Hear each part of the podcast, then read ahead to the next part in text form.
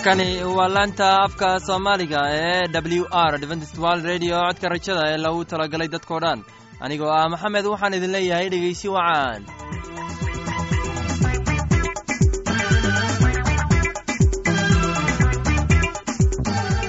barnaamijyadeena maanta waa laba qaybood. Qaybta koowaad waxaad ku maqli doontaan barnaamijka caafimaadka. Uu inoo soo jeedinaya shiino kadib waxaa inoo raaci doona cashar inaga imanaya bugga nolosha. Uu inoo soo jeedinaya cabdi maxamed. Labadaasi barnaamij ee xiisaha leh waxaa inoo dheer hayse daabacsan oo aynu idiin soo xulnay kuwaas aynu filayno inaad ka heli doontaan. Dhegaystayaasheenna qiimaha iyo khadradda laho waxaynu kaa codsanayna inaad barnaamijkeenna si habboon u dhegaysataan. Haddii aad wax su'aalaha qabto ama aad haysid wax talo ama tusaale fadna inala soo xiriir dib ayaynu kaaga sheegi doonaa ciwaankeenna bal intaynan u gudagelin barnaamijyadeena xiisaha leh waxaad marka hore ku soo dhowaataan heestan daabacsan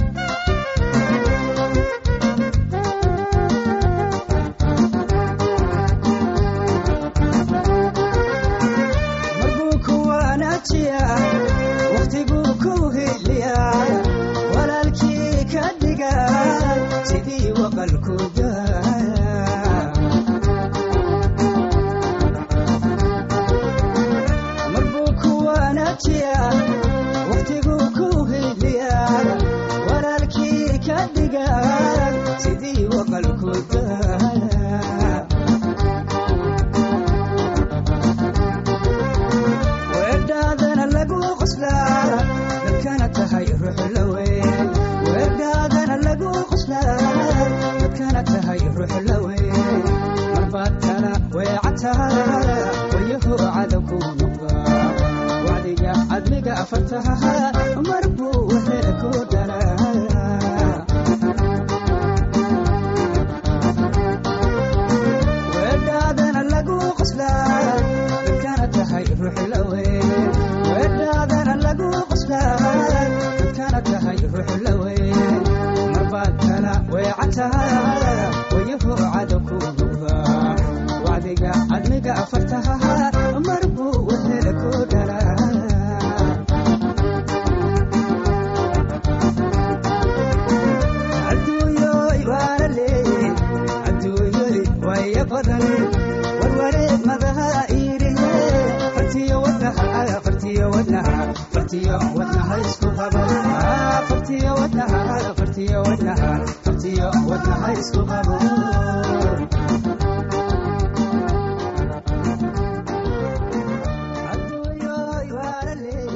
barnaamijkeena caafimaadka waa mid muhiim ah. Waxaan rajaynaya inaad ka faa'iidaysan doontaan barnaamijkaasi.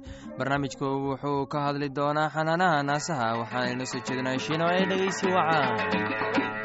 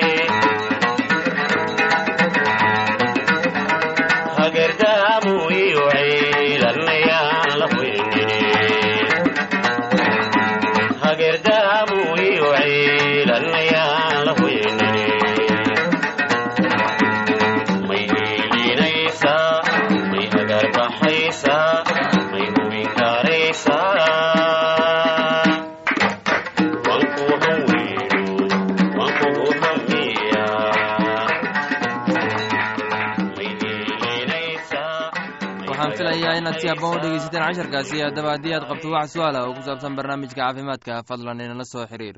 Ciwaankeenna waa codka rajada sanduuqa boostada afar laba laba todoba lix nairobi kenya. Mar labaad ciwaankeenna waa codka rajada sanduuqa boostada afar laba laba todoba lix nairobi kenya. Waxaa kaloo inagala soo xiriiri kartaan emeilka somali e w r at yahu dt com. Mar labaad emeilka waa somali dor luuq muxuu ka leeyahay wadna xanuunka babion ayaa hurdada ka kacay si lama filaan ah hal habeen wakhtigii markuu ahaa saddexdii aroornimo. Wuxuu had iyo goor hurdada ka toosi jiray habeenkii oo qudha maxaa yeelay si fiican uma seexan karin. Si kastaba ha noqotee caawa wuxuu u toosay sababtoo ah xanuun aad xaddhaaf u ah ayuu ka dareemay xabadka oo si fiican uma neefsan karin weligiisi sidan oo kale ma dareemin oo xanuunku wuxuu ahaa mid daran. Dheerada ayuu xidida oo aad buu u naxay isagu wuxuu hadda had jiray lixdan iyo sagaal sano si wanaagsan ayuu u dareemayey ilaa habeenkaasi wuxuu u yeeray xaaskiisa waxayna u waceen gabadhooda oo weydiistay inay u qaadaan isbitaalka maxaaliga ah waxay keliya sameeyeen markii xanuunku ku soo laabtay uu adkaysan kari waayey dabadeedna garaaca wadnahu aad ayuu u sareeyey. Dabadeedna garaaca wadnahu aad ayuu u sareeyey wuxuuna noqday mid aad u dawooqsan oo weligiisa u arag dhakhtartii waxay qaadatay dhiigga karka waxayna ahayd mid aad u hooseeya. Waxay siiyeen daawooyin badan oo kala duwan laakiin ka soo qaad ma lahayn. Kadibna bibon wuu dhintay saddex saacadood oo keliya. Ka hor intuusan seexanin uuna sariirta guriga daraasad la sameeyey ayaa lagu ogaaday inay yar tahay inay yaraan lahayd dhimashada haweenka qaba wadna xanuunka. Haddii la siiyo daawooyin la mid ah tan iyo la siiyo ragga. Dadka daraasadda sameeyey ayaa falaqayn ka sameeyey boqol iyo siddeetan kun saddex boqol iyo lixdan iyo sideed bukaano uu dhashay wadna xanuunka ee waddankaasi kuwaas oo ay la soo darsadeen wadna xanuun tobankii sano ee la soo dhaafay.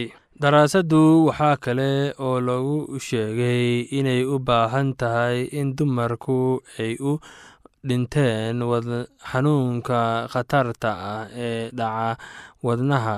Marka loo eego ragga daraasadda waxay sheegeen in sababtu ay tahay kala duwanaansha qaabka loo xanaaneeyo kooxda daraasadda sameeya oo socota jaamacadda ay ku magaadheer ee ku taala waddanka ingiriiska ee waddankaasi oo faahfaahiyey ayaa intaa ku daray in xanuunkani uu yahay mid aad u khatar badan maadaama xididaha dhiigga ay xirmaan.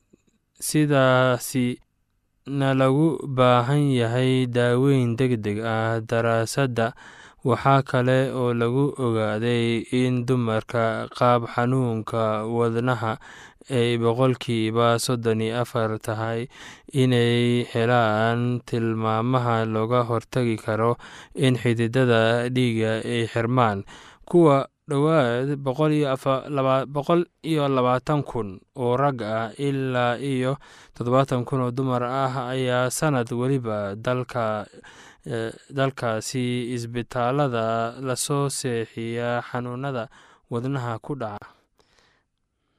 Daraasadda waxaa kale loogu ogaaday in dumarka ay u baahan tahay inay la soo dariisto xanuun ay ka mid yihiin macaanka iyo dhiikarka balse tani waxaa la sheegay inaysan ka dhigaynin kala duwanaansha jinsiga.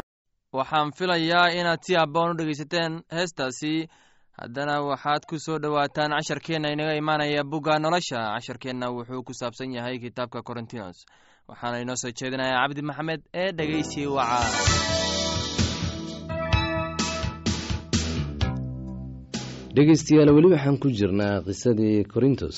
Laakiin taas fasax ahaan ayaan u leeyahay ee amrise maayo. Waxaan jeclaan lahaa in nimanka oo dhammu ay sidayda oo kale yihiin laakiin nin kastaba hadiyad gooni ah ayuu ilaah ka helaa midkan sidan kaasna sidaas. Laakiin anigu waxaan kuwa aan guursan iyo carmalada laga dhintay ku leeyahay waa u roon tahay iyaga inay sidayda oo kale sii ahaadaan. Laakiin hadday is-celin kari waayaan ha guursadeen waayo waxaa dhaantaa inay guursadaan intay guban lahaayeen. Laakiin kuwa guursaday waxaan ku amrayaa kan amrayaa aniga ma aha laakiin waa rabbiga. Afadu yaanay ninkeeda ka tegin laakiin hadday ka tagto ha iska guur la'aato ama ninkeeda ha la heshiiso oo ninkuna yaanu afadiisa ka tegin. Kuwa kale anigu waxaan ku leeyahay ee ma aha rabbiga hadduu mid walaal ah qabo afo aan rumaysanayn oo ayna raalli ka tahay inay la joogto yaanu ka tegin oo afadii nin aan rumaysanin qabo oo isna raalli ka yahay inuu la joogo yaanay ninkeeda ka tegin. Waayo ninka aan rumaysani wuxuu quduus ku noqdaa xagga naagta oo naagta aan rumaysaninna waxay quduus ku noqotaa xagga ninka rumaysan. Haddii kale carruurtiinna wasaq bay ahaan lahaayeen laakiin haatan waa quduus. Laakiin haddii kan aan rumaysanin tago ha iska tago waxaa oo kale walaalka ama walaashu uma xidhxidhna. Ilaah wuxuu inooga yeedhay nabad waayo sidee baad ku garanaysaa naag yahay inaad ninkaaga badbaadin doonto iyo in kale? Amase sidee baad ku garanaysaa nin yahow inaad naagtaada badbaadin doonto iyo in kale hase ahaatee mid kasta ha ahaado ha u socdo sidii rabbigu ugu qaybshay iyo sidii ilaah mid kasta ugu yeedhay oo sidaasaan synagog oo dhan ku amraa nin gudan ma loo yeedhay gudniin la'aan yaanu noqon nin aan gudnayn ma loo yeedhay yaan la gudin gudniinku waxba ma aha gudniin la'aantuna waxba ma aha laakiin waxaa waajib ah in la xaqiijiyo qaynuunada ilaah. Nin kasta sidii loo yeedhay ha sii ahaado ma lagu yeedhay adigoo addoon ah. Dan ha u gelin laakiin haddaad karayso inaad xorowdid waa inaad aqbashid waayo kii xagga rabbiga loogu yeedhay isagoo addoon ah wuxuu yahay ninka xorta ah. Sidaas oo kalena kii isagoo xor ah loo yeedhay wuxuu yahay addoon. Qiimo weyn baa laydinku soo iibsaday addoonnimada dadka ha noqonina. Walaalayaalow nin kastoo sidii loogu yeedhay ha sii ahaado isagoo ilaah la jiro amar kibradaha ku saabsan kama haysto xagga rabbiga laakiin waxaan kula talinayaa sida mid rabbiga naxariis ka helay inuu aamin ahaado. Sidaa daraaddeed waxay ila tahay dhibta haatan joogtaa aawadeed inay u roon tahay nin inuu sii ahaado siduu yahay. Miyaad naag ku xidhan tahay? Ha doonin inaad ka furnaato. Miyaad naag ka furan tahay? Ha doonin naag laakiin haddaad guursatid ma aad dembaabin bikrinimadu hadday guursato ma ay dembaabin laakiin kuwaas oo kale xagga jidhka dhib bay ka heli doonaan. Dhegeystayaasheena qiimaha qadarinta mudano waxaynu intaas kaga sii hakanaynaa qisadii buuggay karintoos. Tan iyo intaynu dib u kulmi doono sidaa iyo nabadgelyo bixiso nimcaalo nimcaalo nafteediibaa ku jeclaatee nimcaalo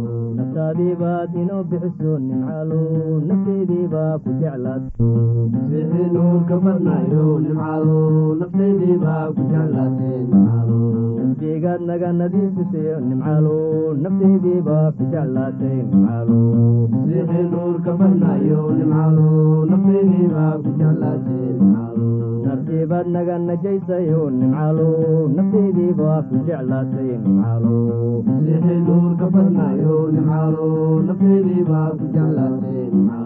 neecawdi jannadaad nasilta nimcaalo nafteediibaa ku jeclaatay nimcaalo nuurka badnayo nimcaalo nafteediibaa ku jeclaatay nimcaalo digaagii baan ku noolaano nimcaalo nafteediibaa ku jeclaatay nimcaalo nuurka badnayo nimcaalo nafteediibaa ku jeclaatay nimcaalo kuwii dhintabaad ka noolaato nimcaalo nafteediibaa ku jeclaatay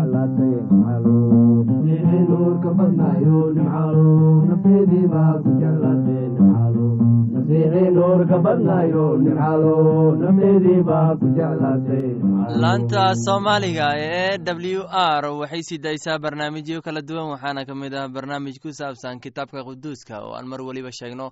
Oo ay weheliyaan barnaamijyo isugu jira caafimaad nolosha qoyska iyo heeso aad u wanaagsan oo aad ku wada maqsuudaan casharkaasi inaga yimid bugga nolosha ayaynu ku soo gagabeyneynaa barnaamijyadeena maanta. Halka ad inagala socoteen waa laanta afka soomaaliga ee codka rajada ee lagu talagalay dadkao dhan. Haddaba haddii aad doonayso inaad wax ka korsato barnaamijka caafimaadka barnaamijka nolosha qoyska ama aad doonayso inaad wax ka barato bugga nolosha fadlan inala soo xiriir ciwaankeenna waa codka rajada sanduuqa boostada afar laba laba todoba lix nairobi kenya. Mar labaad ciwaankeenna waa codka rajada sanduuqa boostada afar laba laba todoba lix nairobi kenya. Waxaa kaloo inagala soo xiriiri kartaan emeilka somali e w r at yahu dt com. Mar labaad emeilku waa somali e w r at yahu dt com.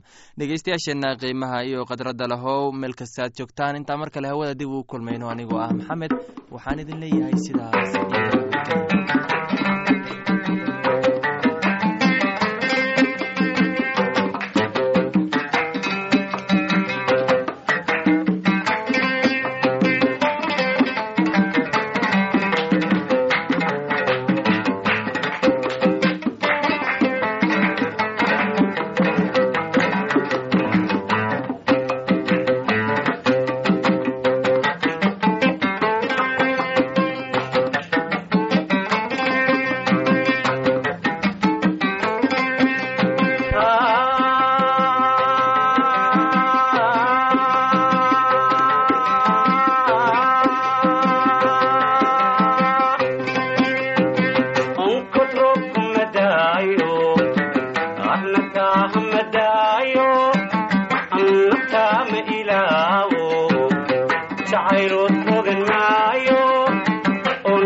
cafi in maayo